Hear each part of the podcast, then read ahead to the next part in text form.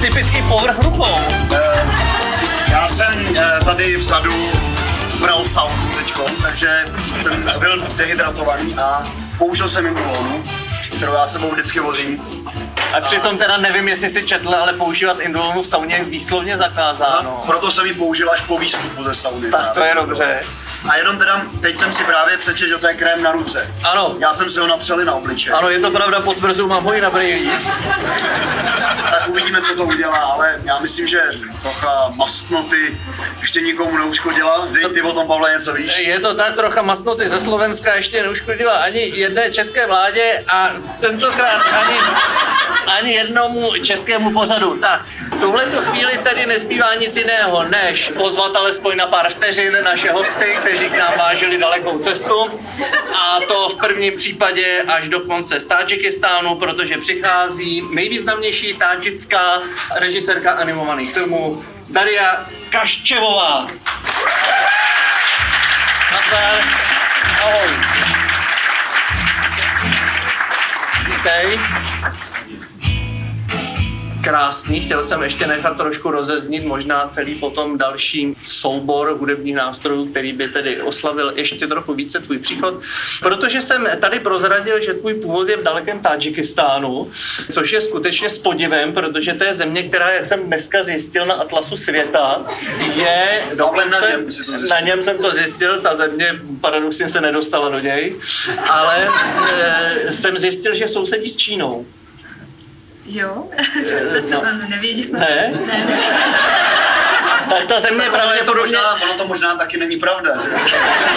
Pavla člověk nikdy neví. Ale, ale zároveň podle mě pravda to je teda tak nějak ze zeměpisného hlediska, ale spíš mě překvapuje tedy, že nemáš přehled o vlastní domovině. No, s tím Tadžikistánem to bylo zvláštní. Já jsem vlastně tam bydlela jenom do čtyř let, takže já si to tam moc nepamatuju. A celá moje rodina je ruská a já jsem ruská a takže mě to jako moc s Tadžikistánem nic moc nespojuje, ani nějaký kořeny nebo... No a jak se stalo, že jste se tam ocitli, ta vaše rodina vlastně, ruská tedy? No, v tom Sovětském svazu to bylo tak, že ty moje babičky a dědičky byly tam jakoby poslany, buď po tom, jak absolvovali školu, mm-hmm. nebo třeba můj děda eh, jako byl na válce, tak ho tam taky jako na hranici někam poslali.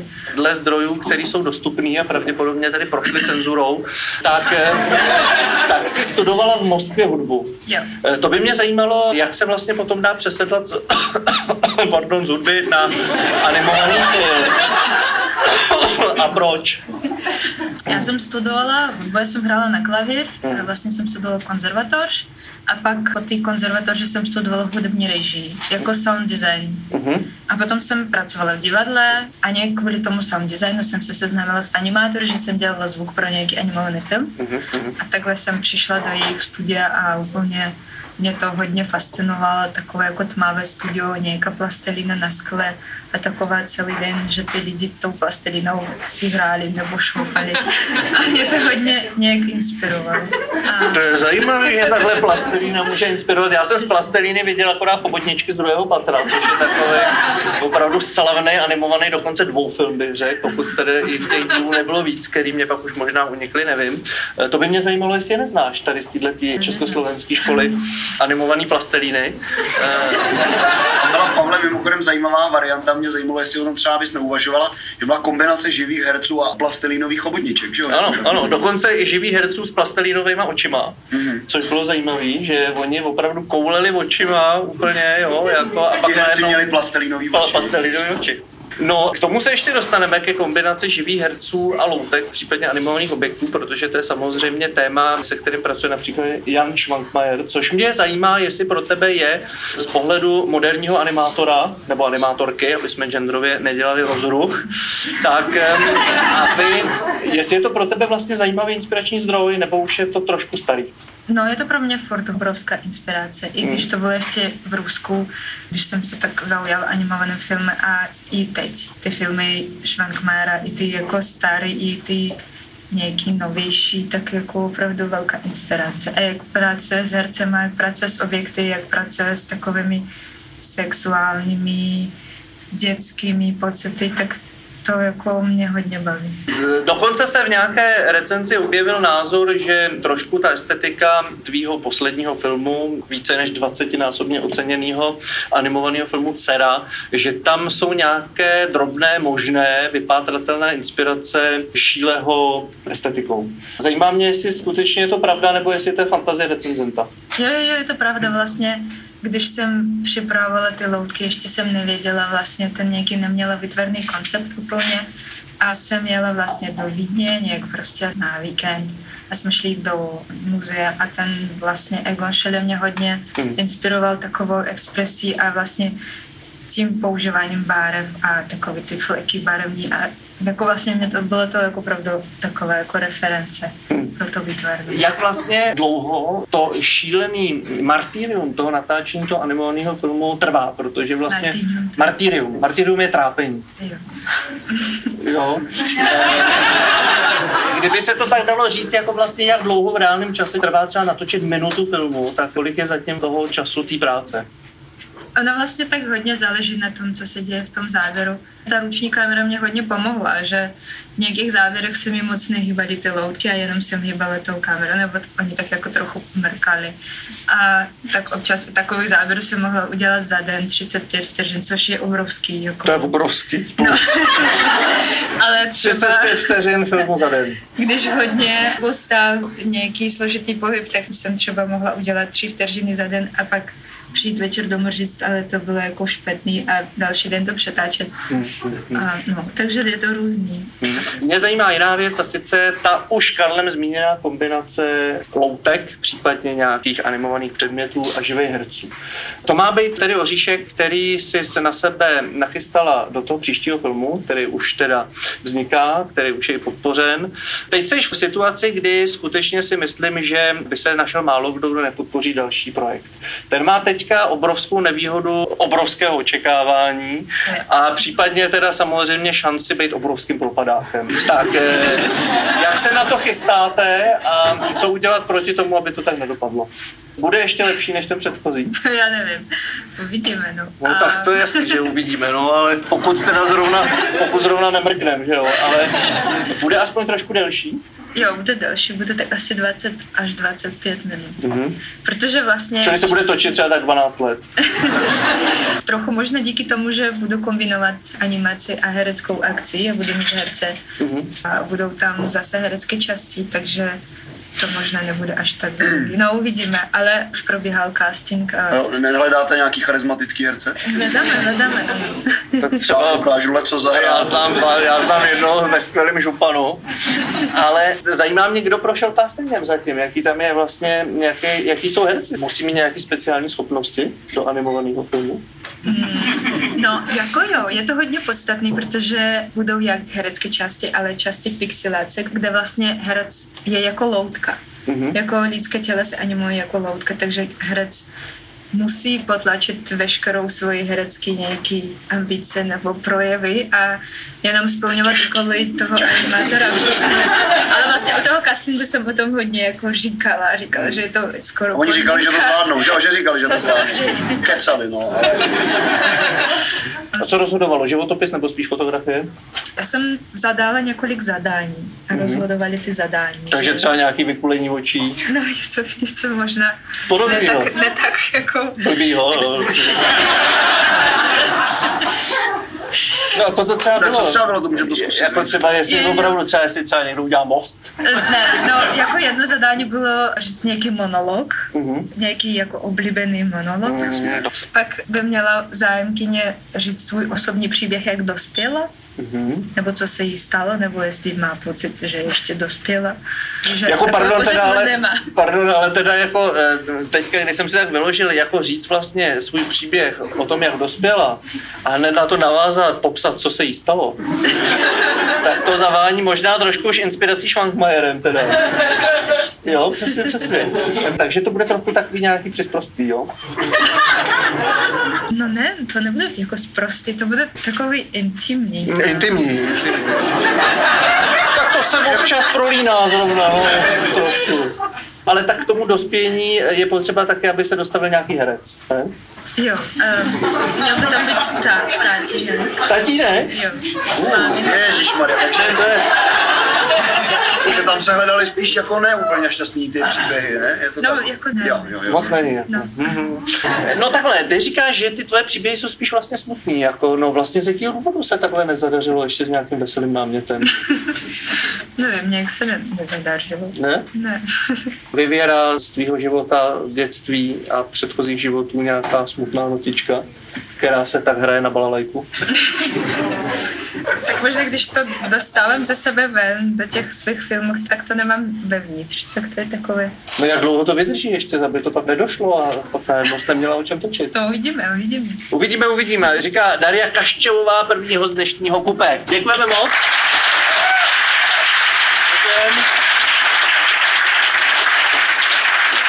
Tak, teď v tuto chvíli se dostáváme k druhému hostu a ještě předtím Karel. Mám jenom takovou technickou, eh, diváka, diváku se to moc netýká, ale Ano. ty máš, a já o, to, o tobě vím, vždycky při představeních, při různých talk show a tak, které moderuješ, u sebe telefon. Ano. Je tomu tak i dnes. Je tomu tak.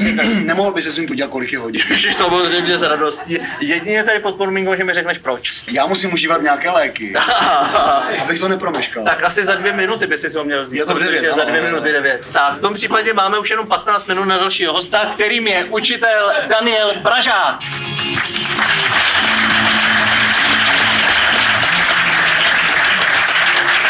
Dane, vítej, ahoj, prosím, pojď se posadit. Tak Daniel Pražák je zástupce všech těch hrdinů, kteří takzvaně v první linii bojovali, ale ne tak úplně jako záchranáři, lékaři, zdravotní sestry a ministr pokladní supermarketu. a pokladní supermarketu. Nicméně, protože jste nebyli v tomhletom denodenním kontaktu se svými svěřenci, ale vlastně tam, kde my všichni ostatní jsme si tak nějak trošku odfrkli za tu dobu a vlastně jsme měli prostor pro to se tak jako konečně pověnovat zahrádce a tak dále, tak vy jste to odchytali úplně tedy naprosto, protože jste museli s každým žákem zvlášť tedy probírat látku, protože nevěřím tomu, že jste se sešli všichni najednou někde na nějakém četovacím okénku. Eh, Jak reagovali na celou tuhle tu situaci měsíce a půl vlastně sami ty děti? Protože přece jenom ta škola částečně taky funguje jako takový ten druhý nejvýznamnější prostor po rodině, kam ty děti v určitém věku na základní škole teda zejména docházejí. Tak když mám vzít tu zkušenost přímo naší školy, tak my jsme si záhy po vypuknutí udělali šetření mezi rodičema a mezi i dětma, kde jsme se jich ptali, jestli jim to vyhovuje, jestli je to v pohodě, jestli vůbec mají třeba k dispozici zařízení, protože někdy jako je domácnost, že mají jeden počítač a na mobilu se jim ne všechno dá dělat, to taky ty děti zjistily, to bylo jako super. Myslím si, že u nás to vlastně jako fungovalo velmi dobře v tom, že díky našemu vedení nesouvisí to s tím, že se teď budou řešit osobní ohodnocení, máme fakt skvělý vedení. Uh, že jsme tohle podchytili a zároveň těm třeba rodinám, kde byla potřeba pomoc, třeba zařídit jako internet. Jsou děti v Praze, co nemají jako internet doma. Na letní, jo. Třeba, je to, je to, já jsem byl taky překvapený, ale děje se to. A To už ale věc nějakého postoje, podle mě, ne? nebudu uh, zabrušovat, ale No takže jsme jim třeba dali modemy a ano, takže jste je připojili proti tedy vůli rodičů. Přesně, to se stalo, tak oni některý ty rodiče vzali třeba svoje děti na chaty, mm-hmm. takže já jsem pak koukal na babičku s dědečkem a takové věci, což vůbec jako tahle situace. To, že se uzavřely školy, přineslo, že se otevřely školy a otevřely se jako domácnosti a třeba děti viděli, jak to vypadá u nás doma. Mm-hmm. Někdy, my jsme viděli někdy, jak to vypadá u dětí doma. Jak to vypadá? Jaký jsou takové to- kuriozní pro, pro, Jo, průhledy? Jo, uh, sestra moje, Ellen, hrozně šikovná mimochodem, mm. učí na prvním stupni na rozdíl ode mě Mhm. a tam se stávalo třeba, že jsem to ty rodiče neuvidí třeba, Neuvidí. ale že tam prostě třeba prošel dopoledne tatínek takhle s dvoulitrovkou braníků. nebo, nebo že celou hodinu tam byl malíř v tom pokoji. Jako ještě portrétoval to dítě? Ne, ne, ne, ne. Natíral stěnu. A Ela učila a čekala, kdy jako ten člověk třeba spadne z těch štatů, jako jestli se něco stane a vlastně to bylo... A taky nastávaly taky super věci, že bylo slyšet, že ty rodiče jsou vedle toho počítače. Jo, a jako za ním. napovídají těm dětem. Takhle jako třeba spoza toho počítače na papíře, pomáhali. A uh, párkrát se, Tvrdí, tvrdí, ale neučíte češtinu, ale párkrát se stalo právě, že upozornila, že vlastně to není potřeba a že je lepší, když se na to ty děti přijdou sami. No dobře, to je první stupeň, ale teďka se pojďme teda přesunout na ten druhý Jo. stupeň, protože to už samozřejmě jsou děti v jiné fázi života. Mě překvapilo, že třeba uh, někteří moji deváťáci, který vlastně v té hodině jsou tak jako spíš nezapojení, mm-hmm. tak najednou pak si sami říkali o úkoly a protože se nám všem jako hodně přehodil ten režim, mm. tak já jsem třeba takhle šel spát v půl jednou a přišla mi na Instagramu zpráva o geologii s nějakým jako dotazem, že to toho chlapce hrozně jako zaujalo a tak jsme do jedné řešili prostě stratigrafii. Jak to vlastně klasifikujete, ten přístup těch jednotlivých žáků k tomu? Vlastně ministerstvo řeklo, že to jako není úplně nutný a dokonce, že by si to nemělo teď dít, že by neměla být známkovaná ta distanční výuka a dokonce, že na závěr školního roku se může použít slovní hodnocení. Což některé školy vlastně jako dělali, protože to jde, ale řada škol si a řada učitelů si myslá, že to vlastně jako nejde a najednou to třeba začali zkoušet. A No ale pardon, není to vlastně ještě pro ty strašně unavený učitele z tohoto období Je to ještě přidělání práce, protože když frknu někam jedničku, takhle to tam vyšvihnu, než abych se vypisoval s tady stránkovým slovním hodnocením, no to bych se teda z toho opravdu osolil. Já jsem chtěl použít jiný slovo, ale je to tak. Já No. no. jednou, když jsem učil na takové soukromé škole, kde se hodnotilo slovně, naštěstí jenom vždycky jednou za půl roku, tak když bylo poprvé to pololetí, tak já jsem prostě seděl a měl jsem, já nevím, 40 dětí, tak Hmm. pořád, jako žáků. Mm. Že to je pořád docela málo a teď jsem se s tím fakt jako jeden po druhém jako strašně. piplal Hmm. a pak jsem viděl kolegyně, co prostě jela citrle C, citrle V, jsem říkal, aha, jestli pak není možná vlastně lepší. No ne, ale jestli oni si to ty děti neřeknou přesně, že to mají takhle Uh, stejně. já se obávám, že jo. Že jo? Proto se teď bojím toho, když pro svoji třídu, jenom pro těch jako 19 dětí bylo to slovní hodnocení psát. Takhle, čili jenom abych to zhrnul, trošku se v tom strukturovaně teďka pokusil zorientovat, tak jde o to, že tedy bylo doporučeno současným pokynem tedy, aby toto období té domácí distanční výuky, aby nebylo teda klasifikováno, tedy známkováno.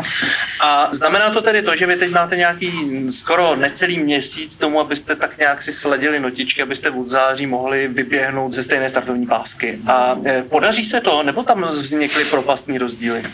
To byla hodně náročně položená otázka. A přitom její podstata je jednoduchá. Ale všichni vlastně, chápeme tak, že můžeme rovnou není. odpovědět. Jedna z věcí, kterou nám ta situace ukázala, tak to, že se ne vždycky učíme jako důležité věci, Hmm.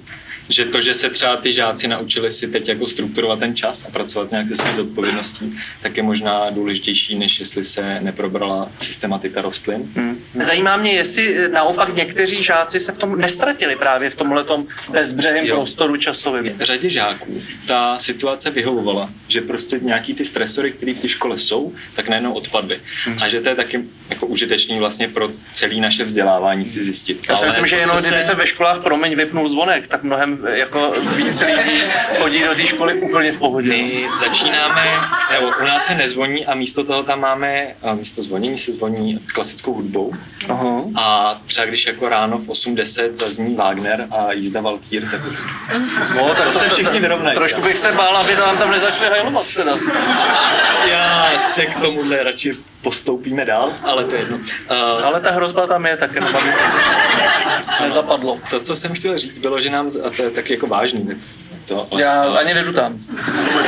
Ani, us, ani usmívat. Máme hodně málo dat o našem vzdělávání a jedno z toho ukazuje, že prostě zjistilo se, že zhruba 10 tisíc dětí vlastně se vůbec nezapojilo a že o nich nic nevíme a že to jsou děti z rodin, který byly třeba hůř zapojený i v normální výuce, který budou mít jako tu horší cestu tím životem, protože naše vzdělávání je v mezinárodních žebřících dost specifický tím, že je hodně těžký třeba pokud tvoji rodiče nejsou vysokoškoláci, mm-hmm. tak u nás je vlastně extrémně malá pravděpodobnost, že ty sám budeš vysokoškolák. Mm-hmm. A vlastně pro ty děti, kteří třeba neměli ten přístup k internetu, tak tohle opravdu jako může být situace, která není příjemná pro ně, pro ten systém, jako vlastně pro nás, který se o ně nějak chceme postarat.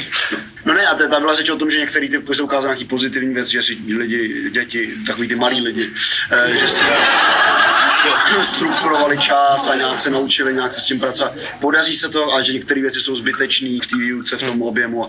Podaří se to jako přenést do té běžné výuky po prázdninách? Doufejme, že jo. Zároveň se ukázalo, když jsme se bavili o té klasifikaci a hodnocení, tak jako předtím vždycky muselo zaznít Finsko, tak teď je nový buzzword, že zaznívá formativní hodnocení. I přesto, že nikdo moc neví, co to je, ale vlastně podívejte se na skoro každou tiskovku nebo a zazní. A to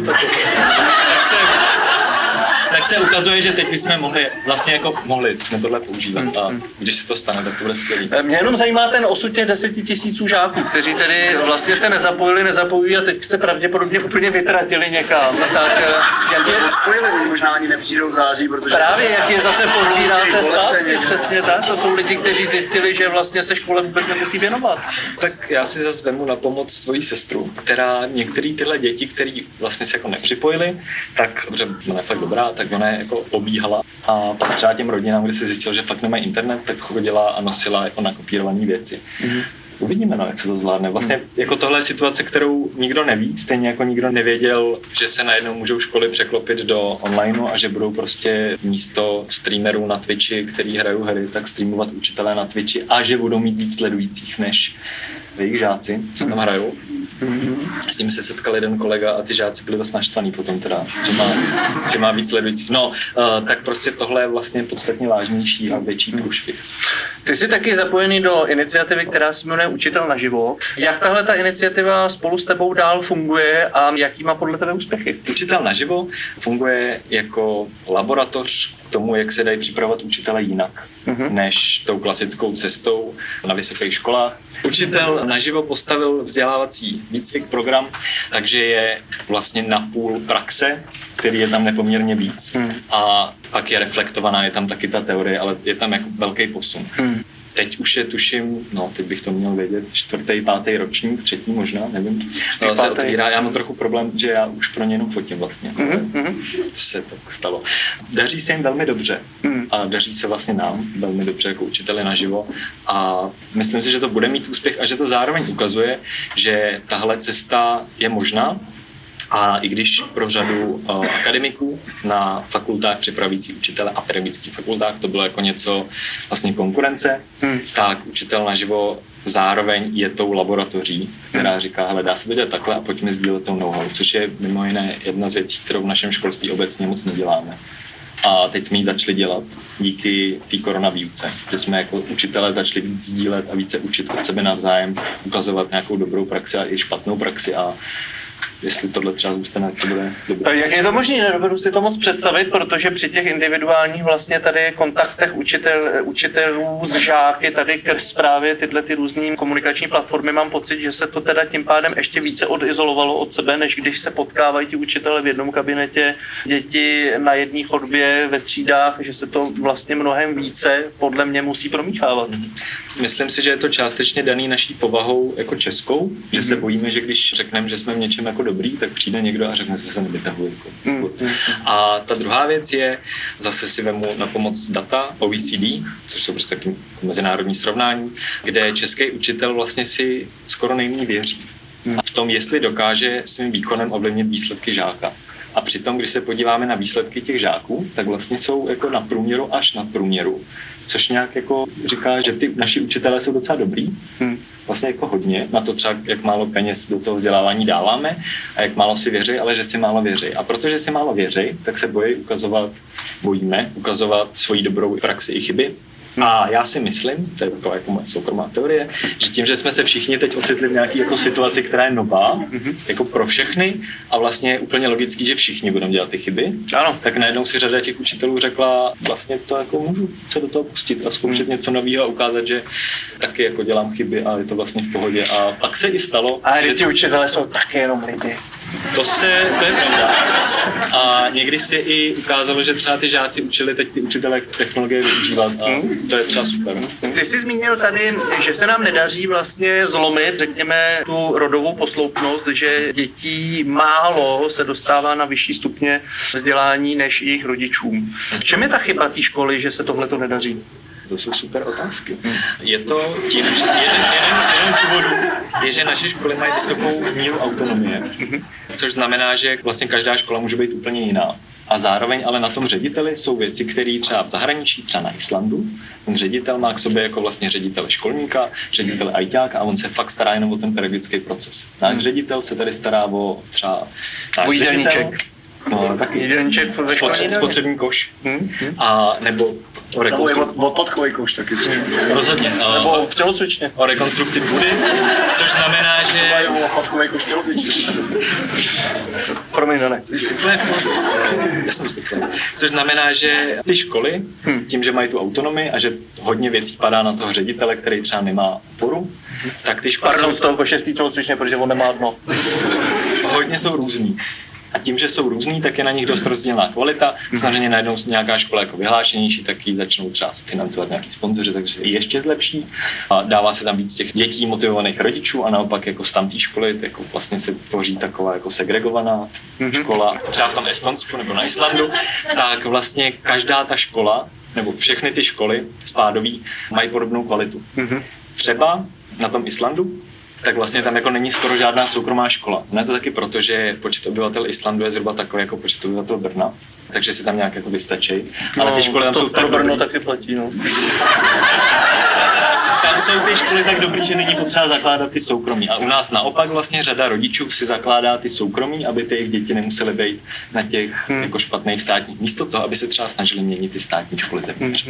Čili tedy dostávám se k tomu podezření, který jsem chtěl říct zhruba před půl minutou až minutou, tedy že vlastně ta vina toho, nebo ten důvod, proč se teda ty děti těchto těch, řekněme, méně vzdělaných rodičů nedostanou k vyššímu vzdělání, je ten, že ty méně vzdělaní rodiče se nesnaží teda ty děti umistovat do těch lepších škol, tak jako se to snaží ty ambiciozní rodiče těch, které tedy posílají potom na tyhle ty zkouškami promrskané prostě pracoviště.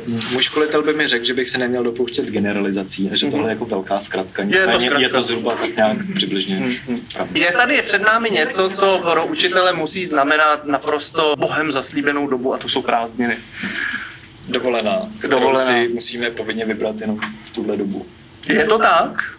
Je to, Vlastně- takže to zavání spíš jako vlastně eh, šikanou školy učitele. No, ono jako ty se třeba může vydat já nevím, k moři, třeba do Tajska, jestli na to herci, ne, učitelé na to nemají, to je ta výhoda. Ale prostě můžeš se jako někam vy, normální člověk se může vydat někam, když tam třeba nejsou Jenom turisti. kdyby něco o hercích, tak to adresuji na mě.